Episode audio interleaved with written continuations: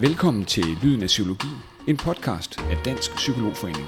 Daniel Kærgaard er min gæst i dagens udgave af Lyden af Psykologi, hvor vi skal se nærmere på overgangen fra livet som psykologistuderende til livet som psykolog. Vi sidder i et øh, særdeles lunt lokale her i DP's bygning i København, hvor vinduerne åbnes, og måske kan der komme lidt lyd fra en studentervogn eller, eller to. Det tager vi med. Om lidt skal vi øh, tale om, hvad det egentlig vil sige at have en øh, arbejdsidentitet som psykolog, og hvad det mere specifikt vil sige at arbejde inden for neuropsykologi, både klinisk og når der forskes i det. Rigtig mange psykologistuderende glæder sig til at blive færdige som psykologer efter mange års studier, men for de fleste kan det både være svært og måske også nervepirrende at finde ud af, hvordan man går fra at være studerende til at bære sin nye titel ud i praksis. Hvad vil det sige at have en arbejdsidentitet som psykolog? Og hvilken slags psykolog kan man blive? Daniel, hjertelig velkommen indenfor hos øh, DP og til Lyden af Psykologi. Tusind tak. Daniel, allerførst, vil du ikke øh, præsentere dig selv? Mit navn det er Daniel, og øh, jeg arbejder til daglig på Rigshospitalet øh, og skriver en Ph.D. inden for neuropsykologi. Og jeg har nået inden da at cirka have to års erfaring inden for den kliniske neuropsykologi. Hvorfor valgte du egentlig oprindeligt at øh, læse øh, psykologi? Har du altid øh, vidst, at det var den her vej, du skulle med din karriere? Nej, det, det har jeg virkelig ikke. Det startede i omkring slutningen af 2G, at det gik op for mig, at jeg gerne ville læse psykologi. Efter jeg havde haft en fantastisk gymnasielærer, som var virkelig inspirerende. Fordi før det, så var jeg i vildrede omkring, hvad jeg gerne ville. Det, så snart jeg fandt ud af, at, der, at det var en mulighed at læse psykologi, og jeg bare skulle tage mig sammen med karaktererne, så, øh, så blev det min drøm. Og heldigvis er den så gået i opfyldelse. Hvad lå ellers i øh, tankerne øh, dengang? Jamen, jeg havde drømt om at være... Øh, jeg havde tænkt på at være fysioterapeut eller øh, politimand. Det var i hvert fald de, primært de tanker, jeg havde inden. Jeg ser, at du blev færdig, som du også siger her, for to års øh, tid siden øh, på øh, Københavns Universitet med psykologistudiet, og så har du haft øh, praktisk øh, erfaring i, i to år. Øh, vil du lige prøve kort at skitsere, hvor du har, har været henne i de øh, to år her? Jo. Jamen, efter jeg afleverede mit speciale, så startede jeg på øh, Neurorehabilitering København, øh, som ligger ude i Hellerup, øh, som er et arbejde, hvor man som, som neuropsykolog øh, hjælper personer med øh, hjerneskade. Det kan være, at de har fået en blodprop eller en hjerneblødning, eller har faldet og slået hovedet, og så hjælper man med genoptræning af blandt andet sådan de kognitive funktioner, så hukommelse og opmærksomhed og sådan. Og derefter har jeg arbejdet på øh, Frederiksberg Hospital i deres hukommelsesklinik. Øh, det vil sige, at man arbejder med udredning af demens og Alzheimer's, hvor at øh, neuropsykologer har en meget central rolle i forhold til de komplicerede sager. Og så her for nyligt er jeg startet en Ph.D. inde på Rigshospitalet inden for National Videnscenter for Demens, så jeg fortsætter demensvejen. Det her med dit, øh, dit første job her, øh, neurohabilitering i, i Hellerup her, hvordan øh, fik du det øh, job egentlig? Jamen, det var faktisk under specialet, så, øh, så tænkte jeg, at jeg må hellere søge et par jobs. Og øh, jeg havde faktisk sendt en ansøgning, og tænkt, at nu kan jeg ikke mere, fordi nu fylder specialet simpelthen for meget, så nu har jeg ikke overskud til mere. Og der gik ret lang tid, inden jeg fik et svar. Men de ringede så heldigvis cirka en, en måned efter, jeg havde sendt ansøgningen, og, øh, og tilbød mig en, en jobsamtale, hvor jeg derefter fik et, et job. Gik du sådan meget specifikt efter neurofeltet, eller sendte du mere bredt ud til at starte med? Altså helt i starten, så under specialperioden, der gik jeg meget specifikt efter neurovejen. Men efter de første par ansøgninger ikke gik igennem, øh, så tænkte jeg også, at så snart at jeg var færdig med specialet og skulle til at være fuldtids jobsøgende, øh, så ville jeg søge bredere. Øh, også fordi der er andre ting i, i psykologien, der også interesserer mig. Men øh, i starten der søgte jeg præcis det, som jeg vidste var min, min passion. Lidt, ja. lidt mere om den passion der. Hvordan, øh, hvordan kan det være, at det lige præcis bliver øh, neurovejen? Du, øh, ja, du, som du siger, du, du er passioneret, når det handler om præcis neurovejen, men, men hvad ellers? Hvor, hvorfor er du egentlig det? Altså, øh, det er også sådan, hvad kan man kalde det, the black sheep på psykologi. Der er, det er ikke den retning, der fylder mest, men faktisk siden første semester har det været det, der har fanget mig. Vi havde øh, et, øh, et enkelt fag omkring biologisk psykologi, som lægger sig lidt op på neuropsykologien. Det var bare virkelig fascinerende for mig. Og jeg tror, det er det her med graden af kompleksitet i noget, der også har med biologi at gøre, synes jeg er utrolig fascinerende. Daniel, du siger, at neuropsykologien bliver kaldt for the black sheep. Hvad, øh, hvad skyldes det? Altså, det er bare noget, jeg kalder det, skal lige siges. Grunden til, at jeg siger det, det er, fordi der ikke er så mange, der vælger neurovejen, og det er også, i hvert fald i mine øjne, og med mange, jeg har snakket med, så er det meget anderledes end de andre retninger, man kan vælge inden for psykologien. Øh, hvor det ofte handler om altså den kliniske psykologi, der fylder mere, eller øh, PPR-vejen, og der er neuro bare det anderledes, fordi det handler meget mere omkring diagnostisering, og det handler om også til en vis grad rigtige og forkerte svar, som der ikke nødvendigvis findes i de andre grene af psykologien. Lad os prøve at se lidt mere på de øh, arbejdspladser, du nu har haft her. Øhm, og jeg er egentlig både interesseret i at høre lidt om øh, arbejdslivet, både som, som kliniker, men også i dit nuværende virke her som Ph.D.-studerende. Allerførst, da du arbejdede som neuropsykolog, vi kan tage på Frederiksberg Hospital. Mm. Hvordan, så, hvordan så sådan en normal øh, arbejdsdag ud for, for, for dig der?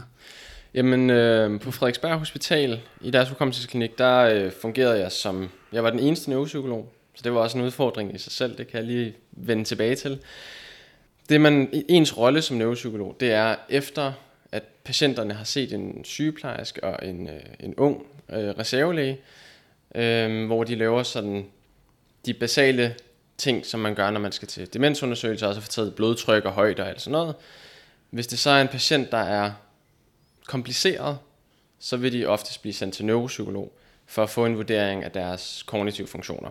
Så hukommelse, opmærksomhed, sprog osv. Så, så en almindelig arbejdsdag fungerer for mig, at jeg møder ind, og så har jeg cirka en time til at forberede mig til, at patienten kommer. De møder så op med deres, øh, deres pårørende, ofte en, en datter eller en søn, øh, hvor vi så starter med at snakke sammen, alle sammen. Jeg hører lidt omkring de problemer, som de oplever hver for sig.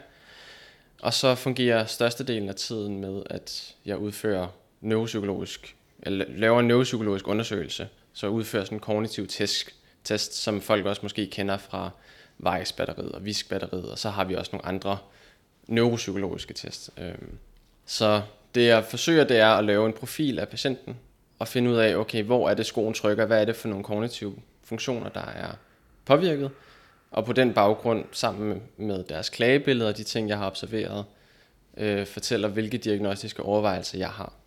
Og det diskuterer man så med lægerne bagefter, så man ser, om vi alle sammen er enige omkring det. Men siden maj øh, 2023 har du været phd studerende ved National Videnscenter for, for Demens.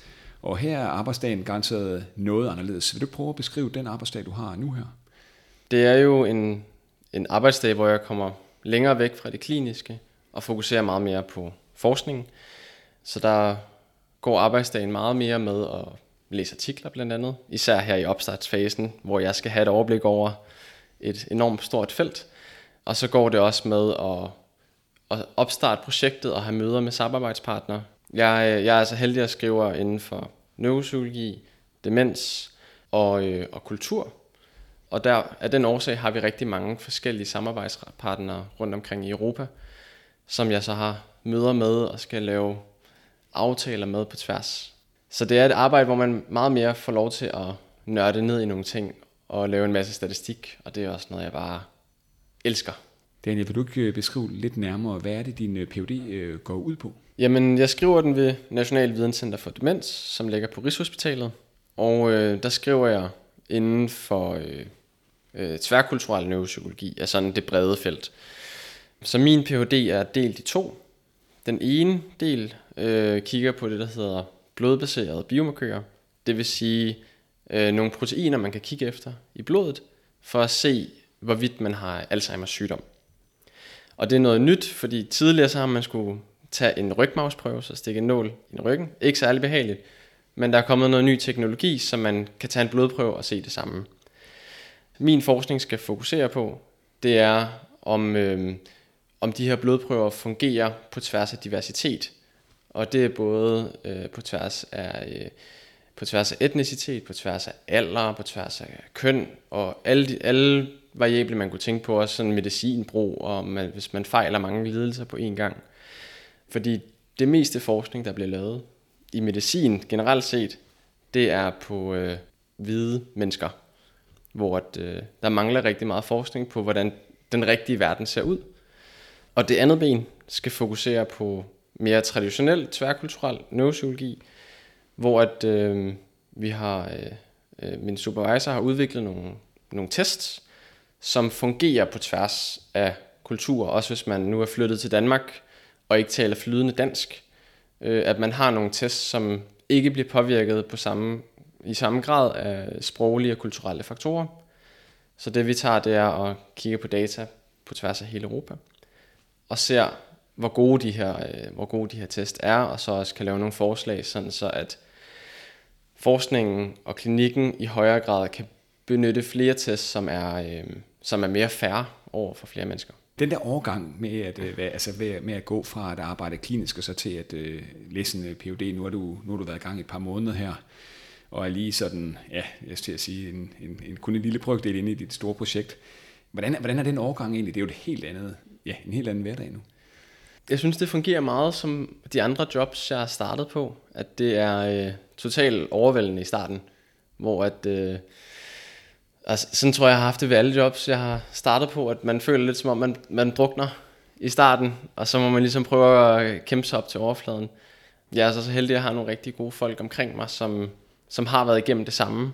Og nogle gode supervisorer, som kan hjælpe mig. Så det er en hård, men spændende start. Og det tror jeg også bare er en naturlig del af processen at starte et nyt job. Ligegyldigt om det er neuropsykologi, eller klinisk psykologi, eller hvad det er, så tror jeg altid, det vil være hårdt. Når vi nu øh, sammenholder både din øh, praktiske erfaring inden for neuropsykologi, men også, øh, og, og, ja, og så også din nu, dit, dit nuværende arbejde som Ph.D.-studerende, hvordan bruger du de ting, du lærte under uddannelsen i dag? Er der nogle sådan særlige erfaringer, du, du trækker på? Ja, altså jeg synes, det er svært at kode det ned til sådan konkrete fag. Altså selvfølgelig kognitionspsykologien og neuropsykologien. Og så er jeg især også glad for, at jeg har haft statistik, øh, som jeg ved, der er mange psykologistuderende, der kæmper med. Men jeg tror, det generelt psykologiuddannelsen ruster en til at tænke analytisk og kritisk omkring tingene. Og også at, selvom jeg forsker i neuropsykologi, at man ikke bare tager og koger alt ned til biologiske processer. Og det synes jeg, at den brede sådan, uddannelse inden for psykologien har givet mig. Hvis vi bliver lidt ved den her overgang fra, fra studieliv og så til, øh, til arbejdsliv her. Hvad var den største overraskelse, da du kom, øh, kom ud i, øh, i praksis? Jeg tror, det var, hvor meget der ikke fulgte bogen, kan man sige. Fordi på psykologistudiet, der har vi forskellige moduler, hvor vi lærer om en meget konkret ting ad gangen. Og sådan er virkeligheden bare ikke. Ligegyldigt om man laver forskning, eller om man laver klinisk arbejde. Der er aldrig en patient, som fejler én ting. Det er i hvert fald meget, meget sjældent. Så det er oftest, altså jeg tror, jeg vil sige, at det er graden af kompleksitet, som virkeligheden indeholder. Og at øh, studiet forbereder en til netop at, at tænke kritisk og være, altså have noget baggrundsviden, men man skal også være klar på, at en stor del af ens uddannelse i godsøjen kommer bagefter. Og man skal ikke forvente, at man kan det hele, når man starter. Det, det er i hvert fald utrolig naturligt at være totalt i vildred. Er det noget, du tænker, du gerne ville have vidst, da du var øh, studerende på øh, psykologistudiet? Ja, altså, øhm, jeg vil ønske, at jeg havde vidst lidt mere omkring de forskellige retninger, som psykologer kan tage. Fordi jeg, jeg kendte til de fleste ved navn, men jeg vidste ikke helt, hvad det gik ud på at være neuropsykolog, da jeg gik på studiet, heller ikke da jeg var helt henne på kandidaten. Så nåede jeg at have et enkelt praktikforløb, som alle jo skal igennem. Men det var egentlig det, jeg kendte til det. Så jeg tror, jeg havde, det havde jeg savnet lidt, og så måske også netop, at, at man bliver forberedt lidt med, hvad, hvor kompleks virkeligheden egentlig er. Daniel, hvis vi går nu øh, op på den store klinge her, hvad er så efter din mening det allerbedste ved at øh, være psykolog i almindelighed? Det bedste er, at man kan gøre en forskel for folk. Og det har jeg så lært, at man kan gøre på forskellige måder. Fordi nu har jeg både prøvet at være kliniker, hvor man gør en forskel for en enkelt person, eller at man kan gøre det forskningsvejen. Så lad os prøve at vende øh, spørgsmålet om, øh, hvad er så det, det værste, eller det, det sværeste, det mest udfordrende ved at være øh, psykolog efter din mening? I min erfaring, så bliver der også placeret ret meget ansvar på, på psykologer, bredt set. Og det er, øh, det er også et temperamentsspørgsmål, hvor glad man er for at have meget ansvar. Det er selvfølgelig, når man starter et nyt job, så kan det godt virke overvældende. Men der er det rigtig vigtigt at sætte nogle, altså selv at sætte nogle grænser. Fordi folk har rigtig meget tillid til, at vi ved mange ting. Du sagde jo også, øh, du sagde også tidligere, Daniel, at du har haft en arbejdsplads, hvor du var den eneste øh, psykolog. Hvordan har det egentlig at være på en arbejdsplads, hvor man er den eneste fra, fra, fra, fra ens fagstand? Jeg var rigtig glad for det, men det var også udfordrende til tider, fordi der var også mange gange, hvor jeg havde lyst til at udtale mig om noget, hvor jeg ligesom lige måtte holde mig selv igen og øh, være lidt kritisk over for mig selv med de ting, jeg egentlig i realiteten ikke vidste. Så øh, det var rigtig svært til tider, men jeg synes, jeg blev også rigtig god til at sætte grænser og sige sådan, det ved jeg ikke det her. Øh, jeg skal snakke med min supervisor omkring det, eller vi bliver nødt til at lave nogle flere undersøgelser. Hvis du nu skulle give et øh, godt råd til en nyuddannet psykolog, hvad vil det så være? Trust the process. Det er svært for alle, både at vælge og starte det første job. Og det kan også være rigtig svært at finde det i første omgang. Og det er svært for alle. Bare have tillid til det, det skal nok gå. En fornøjelse at tale med dig, Daniel, og alt muligt held og lykke. Tusind tak. Lige måde. Flere episoder som denne om overgangen fra livet som psykologistuderende til livet som psykolog ligger allerede nu klar under Lyden af Psykologi. Rigtig god fornøjelse, og tak for at have lyttet med.